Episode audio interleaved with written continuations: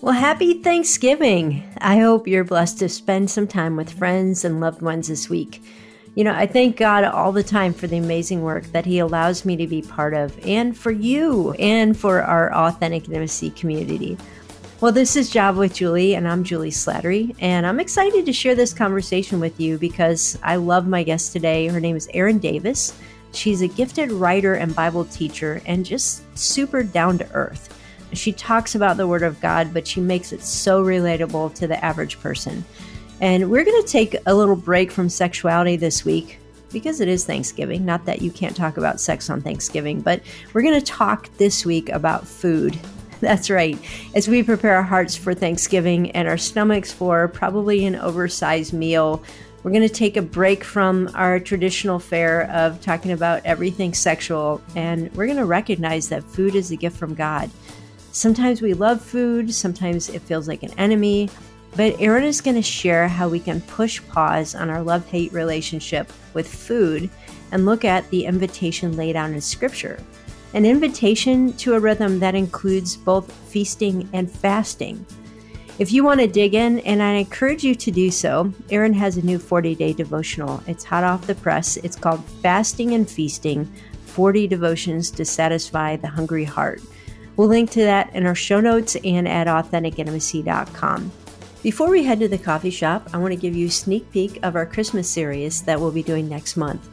Now, you've probably already started thinking about gifts for this holiday season. What you want to give that special someone in your life? Well, we're going to spend the next few weeks talking about a different type of gift that you can give these gifts are not things that you buy at the store, but they come from a desire to reflect God's heart for your sexuality in the way that you show up in your marriage or relationships.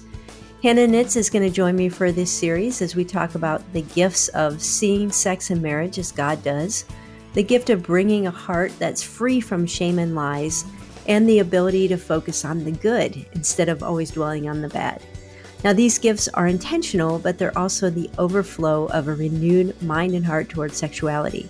As you build intimacy with your Creator and become more like Him, these gifts will start to come from your heart. And we're going to make that very practical over the next few weeks. Follow Java with Julie in your podcast app so that you don't miss an episode. Now, let's head to the coffee shop for my conversation with Erin Davis. Well, Erin, you just reminded me that you have been on Java with Julie before way back in the day. It was way back in the day. Yeah, maybe like seven or eight years ago. That sounds about right. And I think we talked about you being a young mom and mm. how do you pursue sexual intimacy as a young mom. Mm. I'm and, still a mom, just not a young one anymore. And we're still asking that same question, yeah, right? It's true. yeah. So we'll have to link to that interview so people yeah. can listen because some people are like, I want to hear that one. Mm-hmm. Like, that's what I'm struggling with. But you, although probably still could speak to that, over the last few years, God has given you a different passion, mm. and uh, you have written consecutive books on feasting and then one on fasting. Yep. Yeah. So, first of all, where did that come from? Like, what prompted you to start studying that? Well, it started with the women in my own church, which that's where everything starts for me. And I kept hearing things like, ah, I love the New Testament, but I don't understand the Old Testament. I love the epistles, but I just can't get through whatever numbers. Mm. Uh, or I tried to read through the Bible and I got stuck at Leviticus. And I just know you really can't fully understand the New Testament if you have dismissed the Old Testament. It's all there for a reason. So I set out on this quest mm-hmm. to get the women in my church to love the Old Testament. And my strategy was this if I can get them to love Leviticus, I could get them to love the Old Testament. Oh my goodness. So that took me to Leviticus 23, which is where God outlines these seven feasts. Mm-hmm. And it worked. We did this event where we walked through the seven feasts, we gave them some curriculum. And uh, I just fell in love with that passage. So I wrote a Bible study on the seven feasts. Mm-hmm. And then in scripture, I really think we see two rhythms. We do see feasting, but we also see fasting. So, in parallel to all of that, God was giving me an interest in fasting. Mm-hmm. And um, so I started to study that, and it's not limited to Old Testament or New Testament. It is everywhere. Mm-hmm. And um, I just, in my own life, I wanted to find that balance, that rhythm that I think God gives us between fasting and feasting. So you're right. I followed up seven feasts with a book called Fasting and Feasting. Maybe I just love food too much. That could be it. But they've been interesting topics to study for a lot of years. I'll bet. Well, food is a gift, mm-hmm. but we all have a kind of strange relationship it's with true. it. Yeah, so I think this is something that we all can learn from. Uh, you, you, said that that fasting is also mentioned in the New Testament. Is that the same with feasting, or was feasting just an Old Testament nope, deal? both are everywhere. I really yeah. feel like it is the God-given rhythm for food that we miss. God cares very much about our rhythms. Mm-hmm. Like work and rest, that's a God given rhythm mourning and rejoicing, that's a God given rhythm. Night and day, even, that's a God given rhythm. And fasting and feasting is the same thing. I see both, God calling his people to both. And in the Old Testament, it was often mandated. Mm-hmm. Often the whole nation of Israel would feast or fast. For us in the New Testament, it's never mandated, but just look at the life of Jesus. Think about his life for a minute. First miracle, water into wine. That's mm. a feasting. Last Supper, before he was going to go to the cross, that's actually a feasting. How did he want to spend his final hours with his brethren? He wanted to spend it eating, sitting at the table. And fasting is there too. I mean, Jesus himself fasted for 40 days in the wilderness before he launched his ministry. The church, as it was being born in Acts, there's a lot of fasting in those early chapters. So they're both there all mm. throughout Scripture. Revelation, marriage supper of the Lamb, there's feasting again. Mm-hmm. Uh, so cover to cover. yeah, I, I kind of wish that it was still mandated. Yeah. You know, because then I'd be reminded to do it. I'd be doing it with other people, both mm-hmm. feasting and fasting. I think now because we don't have set rhythms or structures, we're not really quite sure. And yeah. let's start there. Let's talk about feasting. As we look at these seven feasts in the Old Testament, I might be able to name a few. Like I've read the Old Testament, but I've never spent time thinking about the significance mm. of seven feasts and what that has to do for me as a New Testament Christian. So, yeah. why should I care about these seven feasts? Well, the big mystery and revelation is that the seven feasts tell the story of redemption. They are related to what Jesus did during Holy Week. One of the feasts points towards his crucifixion. One of them points towards the time he was in the tomb. One of the feasts points to- towards his resurrection. One of the feasts points towards when the Holy Spirit came at Pentecost. God, in teaching his people those seven feasts, was telling the world the rhythm of what was to come in the person of Jesus. Now, they didn't know that. Mm-hmm. They were just obedient. But you can take those seven feasts from Leviticus 23 and you can layer on top of them the events of Holy Week, and you will be amazed at the plan that was revealed. So, how does that affect our everyday life? I don't think we're called to observe the feast. We could. I mean, if that's mm-hmm. something you want to implement in your family, I think that probably has some merit. But uh, I think we can just walk away going, God always had a plan to redeem me. Mm-hmm. He always had a, pl- a plan to redeem his people from slavery to sin and death. It's been his thought all along. And just that's been a miraculous revelation for me to know he was always on his way. He's in the details. He is in the details. Yeah, and that's not just true of, of the big story of God. It's also so often true in our own lives that we, mm-hmm. when we look at what God did in our life 10 years ago, we see how He's now using that yeah. for today, right. which is really cool. And He was really giving them their calendar. They had come out of slavery in Egypt, where I imagine all day, every day was controlled by their slave masters. Mm-hmm. And they were heading into the promised land where there were no slave masters. And in giving them their calendar, He gives them feasts and mm-hmm. I think mm-hmm. if you think of God like, if He was in charge of my calendar, you might think He was going to call you to pray 20 hours a day or, you know, just take care of other people all the time. And He certainly does call us to sacrifice. But He was like, hey guys, I want you to spend your days in celebration, in family groups, eating good food. That's the rhythm of your life that I would set for you. I think that reveals something about His character that's really, really freeing. Mm. Well, help me understand. What do you think the difference is between feasting and gluttony? Mm. Good question. I'm not sure I live that line very well. But you mentioned food being a gift. That's true. I mean, everything you will ever eat, have ever eaten, is a gift by God's hand. Even like the highly processed junk food that we I don't know. We'd have to trace it back. Cheese it whiz. started with something he yeah. created, right? I think, uh, or at least put together by hands yeah. that he created. But I, think about this: it could just be oatmeal all day, every day. I like oatmeal. I don't want to eat it all day, every day. But God has given us such tremendous variety. 7,000 kinds of apples. Did you know that?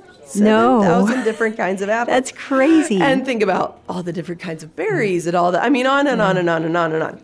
So I think a feast is God focused. It's Yeah. like, thank you, Lord, mm. for this abundance that you've given me. We eat it out of gratitude. We know that it's a gift from God. Our hearts are merry in celebration of Him. I think gluttony is self focused. Mm. I'm trying to soothe some anxiety. I'm trying to feel better about something. I'm trying to self medicate. That is like the most socially acceptable form of self medication is mm-hmm. food. That's not feasting. The psalmist said, Taste and see that the Lord is good. Hmm. I think feasting is taking what's on your table and saying, Oh, all of this is from Jesus. Thank you, Jesus. Yeah. I think gluttony is trying to work around him and take hmm. care of things in your own strength. I would guess that this isn't always true, but could it be often that gluttony has to do with even eating alone uh, and feasting is sharing the abundance? Like when I think of times when I've misused food, it's often been alone. It's been, I'm stressed And out. kind of shameful, secret. Yeah, Yeah. and just kind of like I want to reward myself, Mm-hmm. or I'm, as you said, soothing anxiety. And not that it's wrong to eat alone, but I think often when we binge, Yeah. we do it alone. Yeah, something interesting. I've had to, for health reasons, I've had to pay very close attention to my food in recent years. Interestingly, as I'm studying all of this, and something I've noticed is those foods that are just inherently bad for me. Let's take Oreos as an example. I eat three Oreos, I immediately want three more, and then I immediately want three more. The, I don't get satisfied. Yep. Whereas if I eat the food that's good for me, I don't immediately go, ah, I just got to have another salad immediately. um, there's some satisfaction in it, and I, for me, that's become kind of a little warning sign internally. Yeah.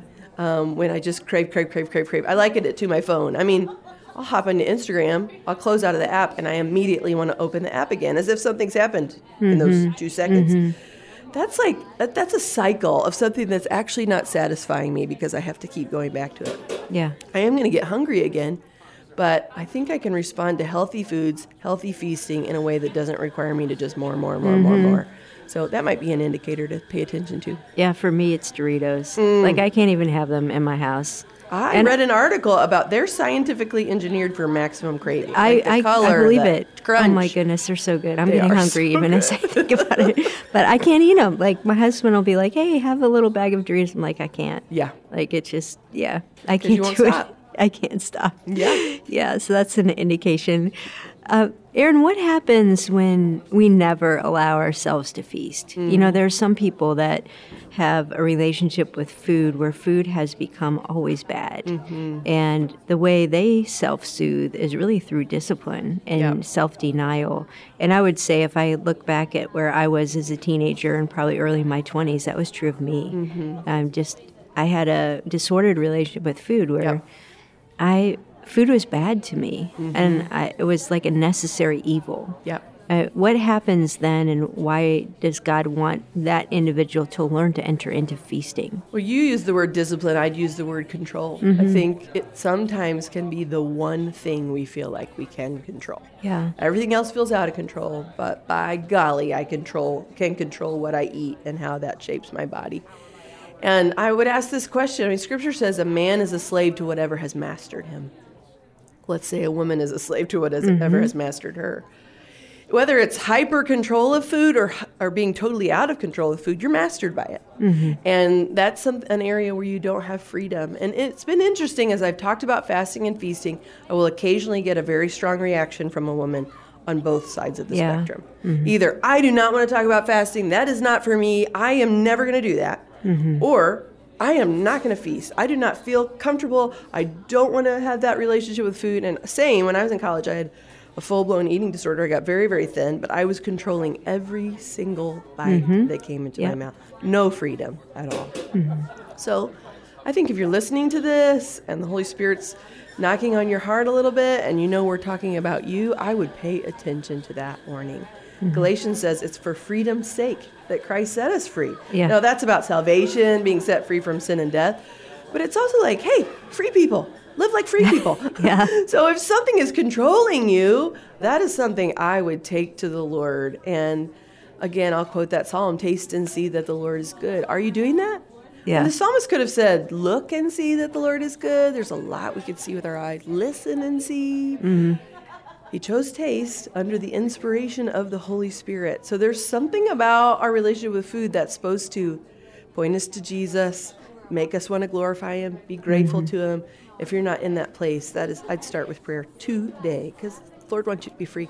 Amen. Yeah, and I have to say, my husband was a big part of me working through that Mm. and finding freedom. I remember in the early years of our marriage, he'd be like, "Have a cookie." I'd be like, Mm-hmm. "No, I can't." He's like, "Come on, have a cookie." You know, like he'd just encourage me, like, "Your body's you to have some freedom. Yes, enjoy. Yeah. yeah. And sometimes we need others in the body of Christ to help us work Mm-hmm. uh, out of our addictions. Again, whether that addiction is control or whether it's food, we need Yeah. we need brothers and sisters who will walk with us and encourage us in that. Sure. You mentioned your husband helping you with that. You know this, I'm sure, from your ministry. There are some women that's the opposite is the Yes. problem. The husband mm-hmm. wants them to have a certain body type, wants Yeah. them to be a certain size, mm-hmm. and as we get older, that just it just doesn't happen as easily. So there may be some pressure to hyper control Oh, food yeah. coming from the man that you live with. That mm-hmm. is a unique challenge that I'm not going to pretend is there's a simple solution for. But again, I would take that to the Lord and say, I want to have freedom in the area of food, but I feel this pressure Yeah. um, to look a certain way, eat a certain way, so I can look a certain way. That's a tough situation to be in, but I don't think an insurmountable one. No, and we have a lot of men listening Mm. who you need to hear the message that your words are uh, life or death to your wife and that Absolutely. you know I can't believe I'm going to say this but I'll say it you know early in our marriage I was afraid of getting fat like Mm. I don't want to eat the cookie I'm going to get fat and my husband would say come on honey more cushion for the pushing I think most men feel that way. Yeah. My husband doesn't seem to notice that I've had four babies. Yeah, To him, I must still look 19, and I that's know. great. It's oxytocin. It's the secret of oxytocin. Yeah. It just makes them like have these rose-colored glasses. Yeah. So But thank I, you, Lord. I'm so glad you called out the men because Yeah. I, it might have been on your podcast. I don't know where, but I heard a man say that he didn't like how his wife's body mm. looked as she aged. Yeah. And that threw me into a panic. That mm. thought had never occurred to me that Yeah. Jason might be bothered by my aging. Yeah. He isn't. But uh, husbands, those things, I mean, first of all, husbands are aging too. Yeah. But those things can have a really profound effect They and really can, can. swing women into disordered eating patterns. Yeah, just one statement, one Mm-hmm. word can stay with us. Hey, friend, this is Julie, and I'm excited to tell you about a unique opportunity that we have for you this holiday season. One of the best ways you can help authentic intimacy is to share our resources with others. And starting today through the end of the year, we've made it possible for you to give the gift of an authentic intimacy membership to a friend. Your friend will receive full access to our Java with Julie archives, our monthly webinars, and discounts on resources. You can choose between a three month, six month, or 12 month membership. Learn more at authenticintimacy.com slash gift. All right, let's switch gears now and talk about fasting. Okay. As you said, some people have trouble with the feasting part and others have trouble with the fasting part. Yeah, this is one of those things that, uh, again, I don't think we have good teaching on. I agree. You know, I was just reading recently in the New Testament, I read it before, but when you fast, not if you fast. That was Jesus talking. Right, but I don't I don't see that fasting is part of the regular rhythm of most Christians. You're right. And we don't know how to fast, we don't know why to fast. I've actually read a few books on it because I want to understand this because I mm-hmm. don't think it's been it, I've it's not a discipline I've used well Yeah. in my walk with the Lord. So I'd love to hear from you like what you've learned as you've studied fasting and and as, have practiced it. Well, I think I can identify at least partially why this conversation is uncomfortable for us. Jesus, Mm-hmm. uh, and this is where he said, when you fast, he said, when you fast, don't be like the Pharisees, Yeah. who basically make themselves look sick and draw attention to themselves. Mm-hmm. And then he said, when you fast, go in your room and close the door Mm-hmm. so that the Father who sees in secret will reward you.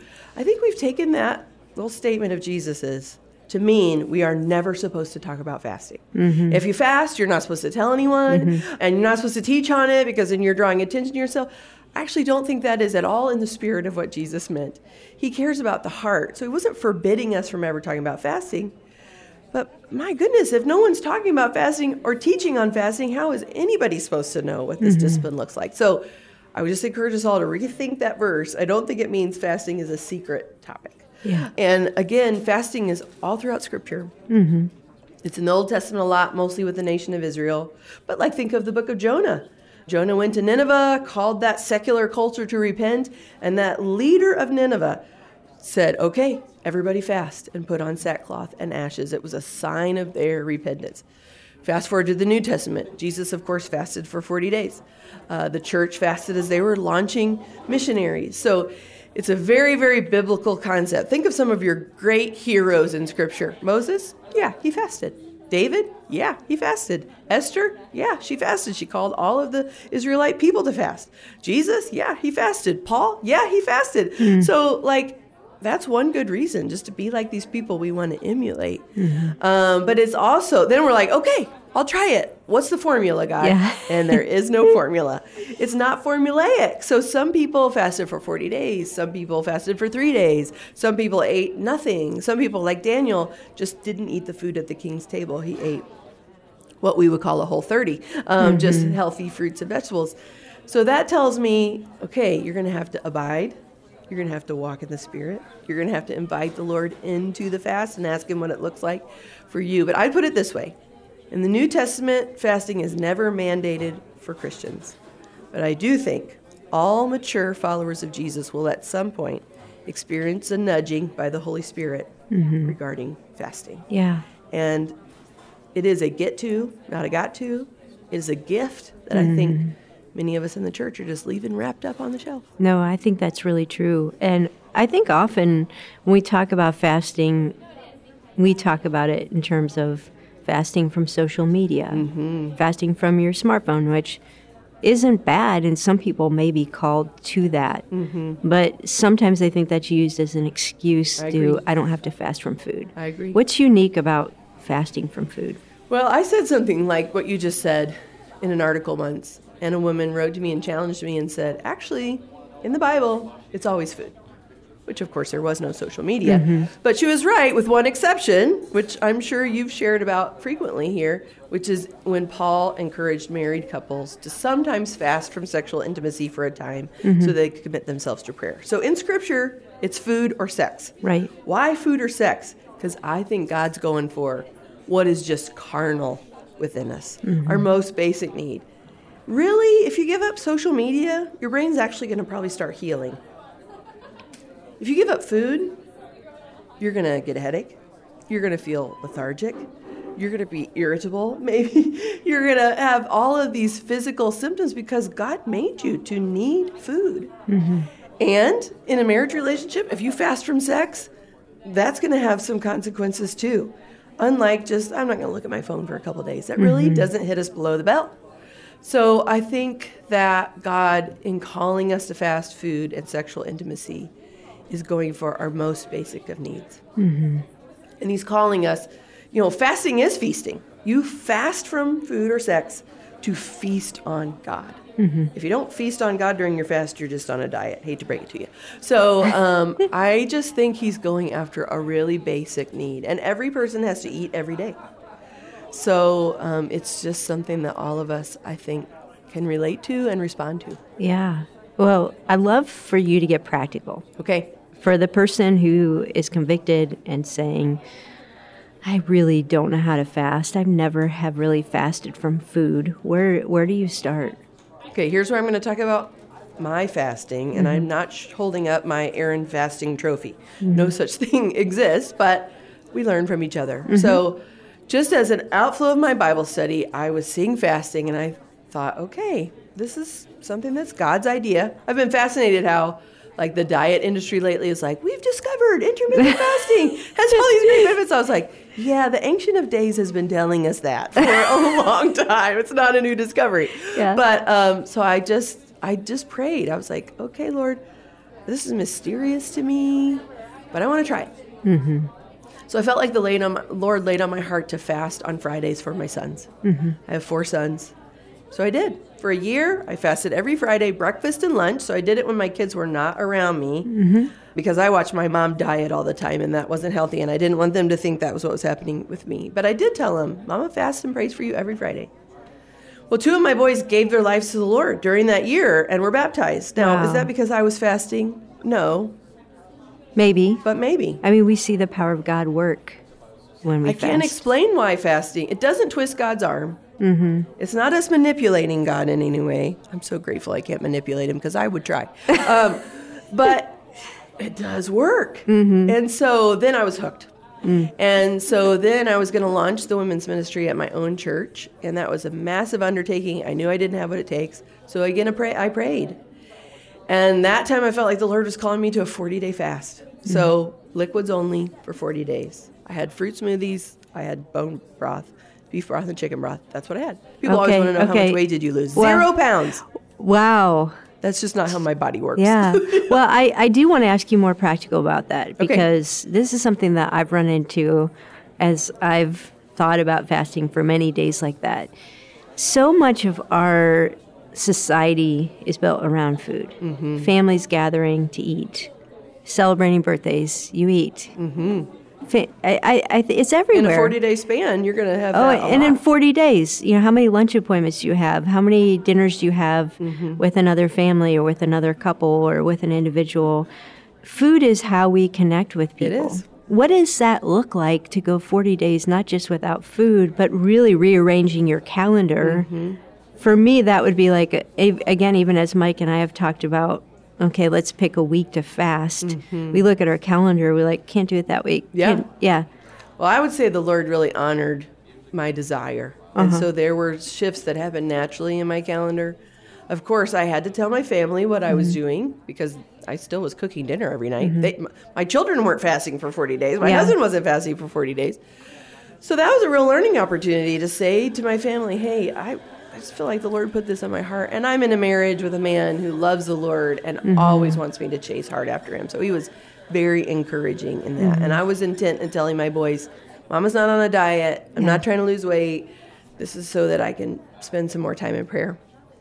But there were some social occasions, and I just didn't make a big deal about it. Mm-hmm. Honestly, people don't notice unless it's, you know, Thanksgiving Day and nothing's on your plate. But I could just sip on something and not draw attention to myself, and it was fine. I didn't have any, nobody confronted me, or there was no big conversations about it. But I think planning's part of it. I mean, what do you do for the Lord that doesn't require planning? Yeah, so In true. what area do you obey Him that doesn't require intentionality? Mm-hmm. I can't think of anything. I mean, studying the Word, that takes intentionality and scheduling. Being with God's people regularly, that takes intentionality and scheduling. Sabbath, that takes intentionality and scheduling. So, I don't know, when it comes to food, we feel funny about it, but it's the same way that we approach other disciplines. So, yeah, I just, I definitely schedule it. Mm-hmm. What did you experience during that 40 days, physically and spiritually? Yeah, I did have I had a woman say to me recently, I tried fasting, but I just didn't feel good. I was like, yeah, That's part of it. part of it. She was like, I think I was doing it wrong. I was like, no, you were doing it right. So there is definitely, I mean, your body is made to crave, but part of it for me is when those cravings would hit, I would say, God, help me hunger and thirst for righteousness like I'm hungering mm. for food right now. Or in that case, help the women of Green Tree Christian Church, which is my church, help them to have a hunger for you like this hunger I'm experiencing now. And he did. And just like the time replacement is pretty profound. I mean, I'm a mom, so I'm either grocery shopping or cooking or cleaning up food or packing lunches. And I tried to, as much as possible, divert those moments towards prayer. Mm-hmm. So there's an intimacy with the Lord that is really, really special. If I could fast all the time, I would Really? because it's mysterious, but there is an intimacy. It turns down the volume on my flesh and turns up the volume on the Holy Spirit. It was special. And I saw God do such an amazing thing in the launch of the women's ministry there. Again, I didn't do it. It's not like, oh, Erin fasted for 40 days and God rewarded her with this mm-hmm. fruit. That's not how it works.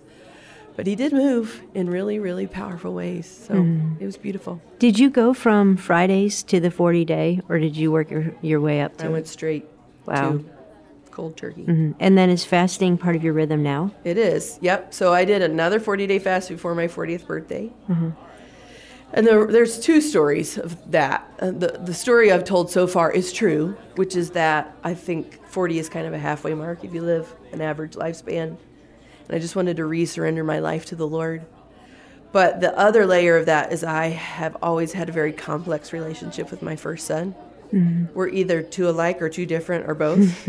and we love each other like crazy, but we have really struggled to connect. Mm-hmm. And we argue a lot. And I just stared down the barrel at that 40th birthday and thought, I don't want that to be true of him and I anymore.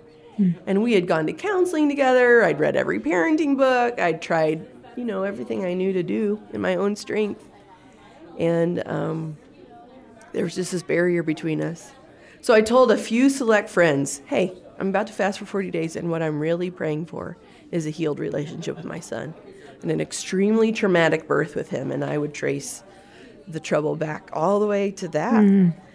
And God did it. I mean, if Eli was in the room right now, he's almost 15 years old, he's humongous. He would curl in my lap and want me to snuggle him. Oh. We we have such a beautiful bond now. And the, I don't know, the Lord just did it mm-hmm. during that fast. Partway through, there was a shift in something that I had not been able to shift mm. in my own strength. So those are the two big ones. Um, I don't have a regular rhythm of fasting now, but I do frequently fast when I'm facing something that I'm out of my depth for, mm-hmm. or when somebody I love needs intense prayer. I'm thinking of my friend Shandy.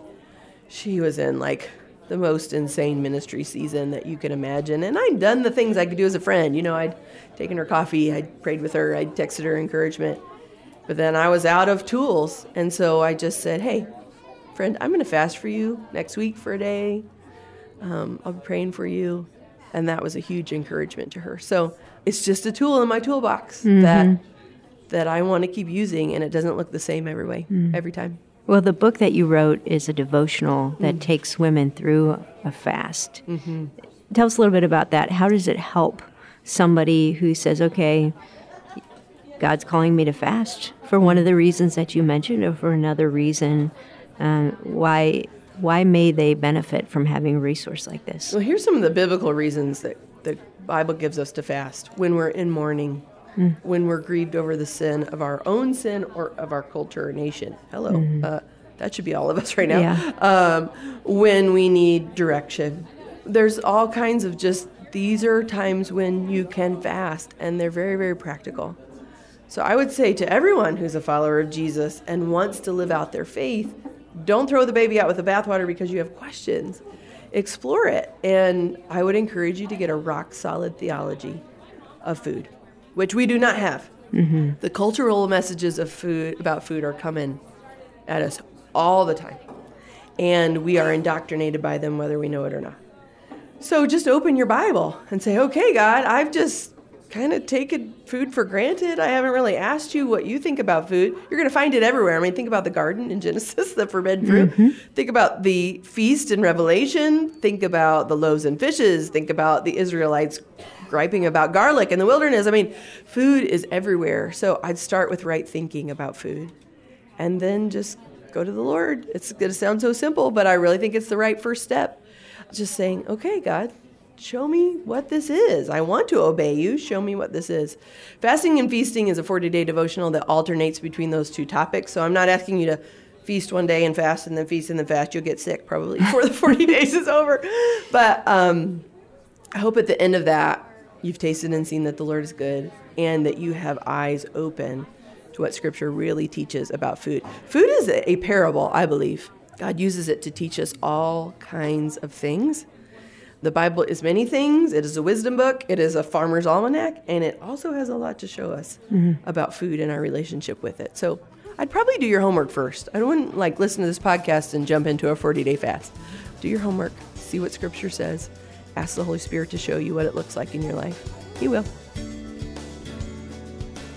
Well, as Erin says in her book, Lord, we've set the table. We ask you to bring the feast. And friend, that's my prayer for you that you would set the table with your best intentions, your devotion, and your worship, and then wait with anticipation for God to fill you with His truth. Don't forget to grab a copy of Fasting and Feasting by Erin Davis. We'll link to that in our show notes and AuthenticIntimacy.com. Hey, thanks for listening, and I look forward to having coffee with you next time on Java with Julie.